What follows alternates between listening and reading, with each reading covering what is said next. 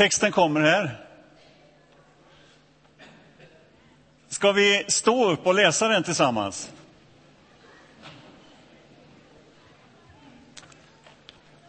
Vi läser. Folk kom till honom med barn för att han skulle röra vid dem.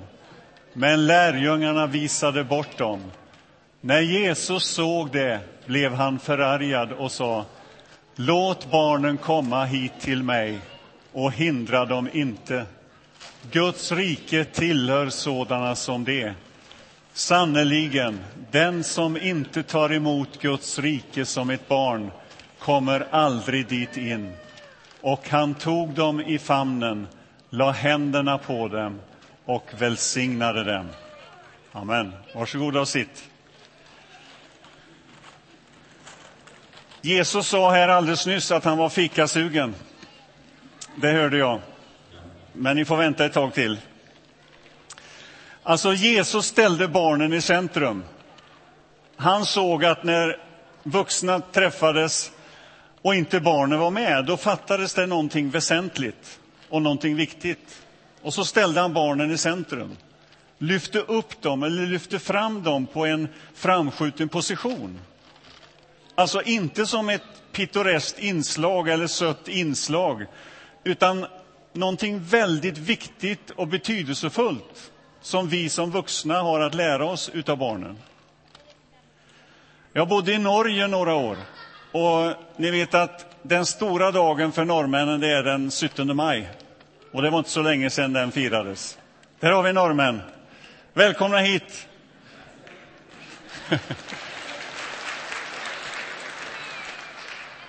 och den dagen är väldigt viktig för norrmännen, det, det förstår vi. Och man går i ett stort tåg. Och främst i det tåget, där går barnen. Och det är inte kanoner och det är inte soldater som man vill gå för, ska gå först, utan barnen ska gå först. Därför att barnen är det viktigaste vi har. Och det är, tycker jag, en väldigt fin markering och bra markering. Och det vill vi göra här i kyrkan också. Därför så vill vi prioritera barn och ungdomsarbetet och att barnen finns med på ett mycket tydligt sätt både i gudstjänster och andra sammanhang. Så det här är bra. Och Jesus gjorde så. Han ställde barnen i centrum. Han lät barnen gå först. Och varför gjorde han det? Jo, för det första så gjorde han det därför att barnen tillhör Guds rike, sa han. Alltså, de är redan där, som vi alla egentligen är kallade att komma till. De tillhör Guds rike. Därför så ställde han barnen först. Och därmed så visar han för oss vuxna och andra att det är en viktig väg att gå. Vad härligt. Och för det andra så sa Jesus så här att barnen är viktiga och betydelsefulla därför att de visar oss vägen till Guds rike.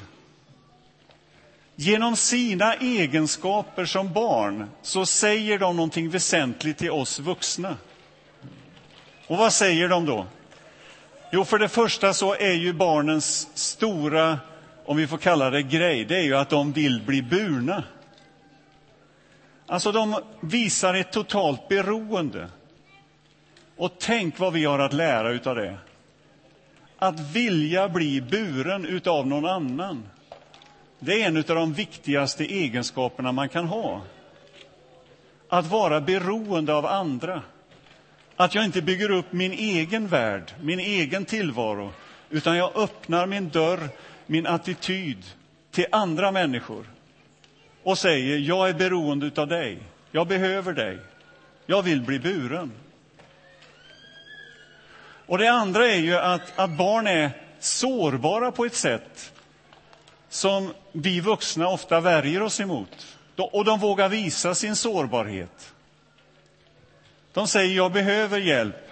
Mamma, jag har ont. Eller pappa, jag har ont. Hjälp mig. Och det beroendet är viktigt. Häromdagen så satt jag hemma och så knackade det på dörren. Och det är inte så ofta på, på onsdag att någon knackar på dörren sådär, men, men det kom i alla fall några. Och jag öppnade och utanför så stod det tre killar i sexårsåldern. Och de såg eh, eh lite generade ut, förstod jag. Men ändå. Och i handen hade den första talmannen för dem, han hade ett dinosaurieben. Och så säger han så här, vill du köpa ett dinosaurieben? Vi har hittat det på Donse.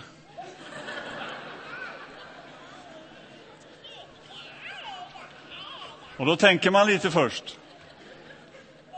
Och så säger jag så här, vad ska ni ha för det här benet? Och så vänder han sig om på de två andra och så säger han, tre kronor. Du, Isak, sa jag, vi gör en affär, du och jag. Du ska få tre kronor av mig. För att det här benet kan du ju sälja till någon annan. Du kan få tusentals kronor för det om de vet att du har hittat det på Donsö. Ja, jag går med på den affären. Så han fick tre kronor och eh, lommade iväg med de andra, glad i hågen. Det enda jag ångrar mig det var att jag inte tog ett kort på dem när de stod. På något sätt så visade de sin sårbarhet, sin öppenhet. Och det är klart att kontentan av det är ju inte att vi ska gå omkring och sälja dinosaurieben. Men just den här öppenheten, den här attityden, tror jag är viktig att vi tar med oss. Och Jesus vill med barnen i centrum visa på deras beroende, deras öppenhet och säger till oss vuxna som har fastnat i våra rutiner och i våra vanor att släpp loss, kom med. Låt Guds rike få prägla ditt liv. Låt det här evangeliet, som de glada nyheterna som, som evangeliet handlar om, får prägla dig. Ta med dig det ut i din vardag, ut där du finns. Och så inbjuder han oss att komma till honom.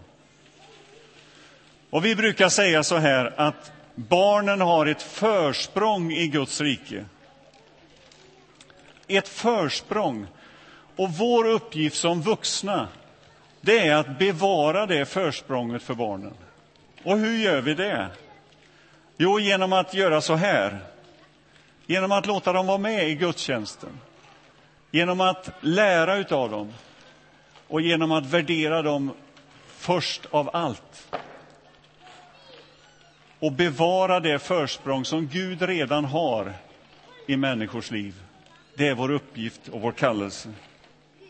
Och därför så finns barnen med här idag i gudstjänsten, i nattvarden som vi alldeles strax ska få fira tillsammans, i förbönen som vi också kommer att få ha här inne i vår gudstjänst. Nattvarden är för alla som är här, alla som vill närma sig Jesus. Och tänk dig bilden här tidigare när Jesus var här liksom, eh, och, och visade sig. Han är här, på riktigt, mitt ibland oss och vill möta oss och vi får närma oss honom. Så under tiden som vi firar nattvard här, det kommer att finnas olika platser dit du kan gå och få nattvard både här nere och uppe på läktaren. Här kommer att finnas, barnen kommer att sitta här. Men du går till någon av de här platserna. Ta gärna med dig ditt barn. Och du som förälder, liksom talar om för barnet vad det här handlar om. Och det här är inte ovanligt i vår kyrka att vi gör så här. Att ta med barnen till nattvarden. Att närma sig Jesus på det sättet. Vi kommer också att erbjuda förbön här inne idag. Varje gudstjänst så erbjuder vi förbön här framme vid, vid den här platsen på min vänstra sida, på er högra sida. Eh, gå dit om du vill ha förbön för något speciellt som du känner att det här skulle jag vilja att någon bad tillsammans med mig om. Sätt dig på den här första bänken här framme och en förebedjare finns där och ber för dig. Men vi vill också erbjuda en välsignelsebön för dig som önskar det. Där du som förälder eller föräldrar tillsammans med ditt barn eller dina barn går fram och får en välsignelsebön över dig. Och där ber vi ungefär så här. Herren välsigna, och så säger vi namnet, och omslut henne eller honom med din kärlek. Kom helig ande och fyll, och så säger vi namnet, så att han eller hon får växa till det du har tänkt. En kort bön, en välsignelsebön över dig, över din familj. Och har du ingen familj som du har med dig här, så om du vill ha den välsignelsebönen, så gå dit. Här kommer att finnas par som står på olika platser här, och dit kan du gå och få denna välsignelsebön. Och så är vi med och firar nattvard tillsammans i sång, i bön och i tillbedjan. Ska vi nu förbereda oss för att ta emot nattvarden? Vi står upp.